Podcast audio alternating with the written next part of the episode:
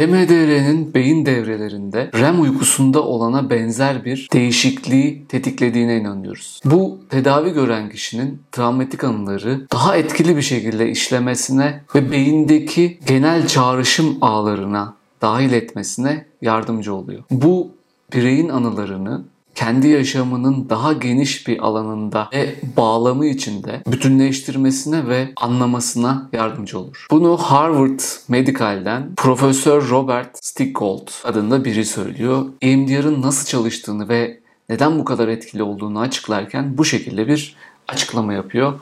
Videoyu bununla başlatmak istedim. Bugün konuşacağımız konu yine EMDR'ın neden bu kadar etkili olduğunu konuşacağız. Şimdi videomuza başlayalım. Yaşadığınız problemleri her şeye rağmen çözemiyorsanız eğer açıklama kısmında olan bağlantı linklerinden veya sosyal medya hesaplarından bana ulaşabilirsiniz.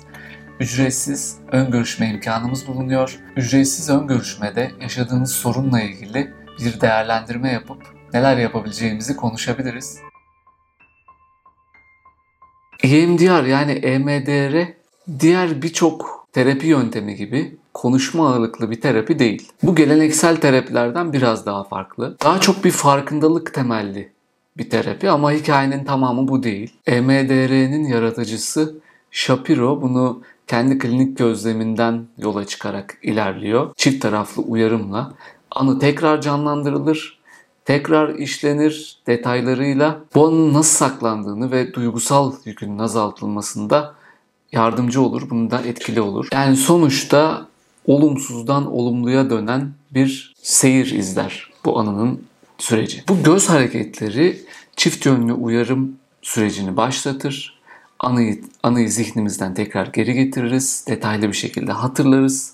Daha sonrasında bunu tekrar işleriz ve bu anının duygusal yükünün azaltılmasına yardımcı olur. Adaptif bilgi işleme dediğimiz başımızdan geçen kötü şeyleri, olayları ya da stresli durumları beynimizin sağlıklı şekilde işlemleme kapasitesidir. Bununla birlikte önemli ölçüde rahatsız edici ve stresli deneyimler bu kapasiteyi bazen aşabiliriz ve bu anıları sağlıksız şekilde zihnimizde depolayabiliriz. Yani bu kapasiteyi aştığımızda olay anındaki o çok yüksek yoğun duygular, o rahatsız edici içerik olduğu gibi zihnimizde depolanabilir. Ya bunu şöyle bir metaforla anlatabiliriz. Şimdi bir yerimizde bir kesik oldu. Bu kesik bir hafta sonra, iki hafta sonra muhtemelen iyileşir değil mi? Orada vücudumuzun kendi mekanizması vardır, sistemi vardır ve bunu iyileştirir. İşte bu sistem de adaptif bilgi işleme süreci de böyle işler. Kötü bir anı bizim için evet kötüdür ama vücudumuz, zihnimiz bunu kendi kendine iyileştirebilir. Zarar verici halden normal daha sağlıklı hale doğru zaman içinde bu düzelir. Ama eğer bu cildimizin kesildiği yerde bir de içinde bir cisim kaldıysa yani işte örneğin bir diken battı. Orada bir yarılma oldu ama diken de onun içinde kaldı. Bu iyileşme ya çok daha uzun sürer, çok acılı ve sancılı olur. Kimi zaman da hiçbir zaman iyileşmez. Orada her zaman bir sıkıntı yaratır. Bu adaptif bilgi işleme süreci de sorunlu gerçekleştiyse, burada kapasiteyi aşan bir olay yaşadıysak ve içeride bir cisim kaldıysa aynı bu verdiğim örnekteki gibi uzun süre bizi rahatsız etmeye bu devam eder. Ve EMDR'nin yani aslında bunu bir duygusal ameliyata benzetebiliriz. Bir ameliyat olursunuz ve o içinizde kalan anılar, kötü direkt işlenmiş anılar, hatıralar, işte duyumlar, duygular bunların hepsini o ameliyatta dışarı çıkarılır. Tabii ki bu süreçte size terapistiniz eşlik eder. EMDR şimdiki zamana odaklanır.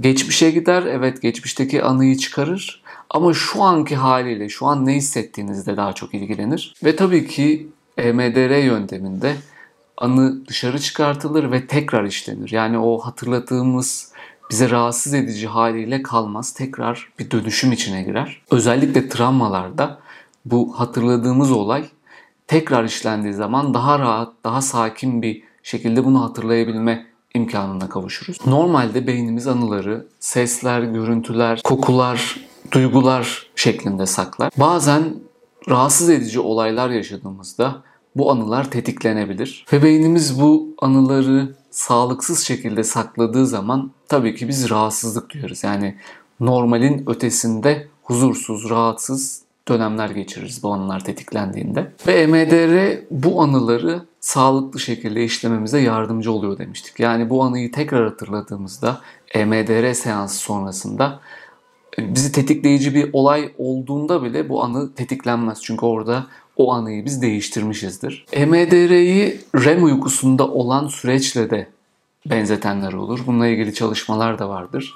Biliyorsunuz REM uykusunda zihin ve beden uyku esnasında bilgiyi bütünleştirir ve bu hızlı göz hareketleriyle olur. Yani kişi REM uykusundayken gözlerinde böyle bir hareket e, olur genelde. Tıpkı REM uykusunda olduğu gibi EMDR esnasında da bu göz hareketleri yapılırken beyniniz olması gereken tarafa doğru gidecektir. Zihniniz oraya doğru yönlenecektir ve o anıları geri çağıracaktır. Burada tabii ki bu ikili uyarımı yapabilmek için birçok yöntem var. İşte dize vurma yöntemi var. Elle şu şekilde yapma yöntemi var. Ya da işte daha teknolojik e, aynı işe yarasa da daha teknolojik yöntemler var. Yani karşınızda bir panel oluyor. Orada ışık gidiyor onu takip ediyorsunuz. Veya işte titreşimli toplar elinize alıyorsunuz. Veya işte kulaklık takıyorsunuz. Kulağınıza sağlı sollu uyarımlar veriliyor. Yani bu uyarımlar sonrasında o anı tekrar işlendi. Onu tekrar hatırlarsınız. Bu silinmez.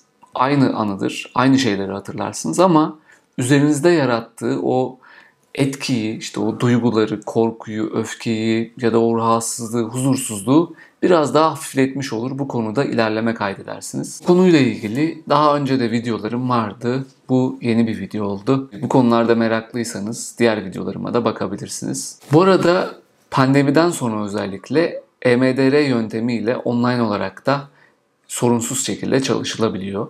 Bu konularla ilgili sorunuz veya danışmak istediğiniz bir konu varsa aşağıda bulunan bağlantı linklerinden bana ulaşabilirsiniz. Ücretsiz bir ön görüşme yapabiliriz. Burada neler yapabileceğimizi, nasıl ilerlememiz gerektiğini konuşabiliriz. Buraya kadar dinlediğiniz için çok teşekkürler. Diğer bölümlerde görüşmek üzere. Kendinize iyi bakın. Hoşçakalın. Bu bölümler hoşunuza gidiyorsa, işinize yarıyorsa kanala abone olarak, beğenerek bana destek olabilirsiniz. Veya podcast'ten dinleyen kişiler için de arkadaşlarınızla paylaşarak bana destek olabilirsiniz. Şimdiden çok teşekkürler. Görüşmek üzere.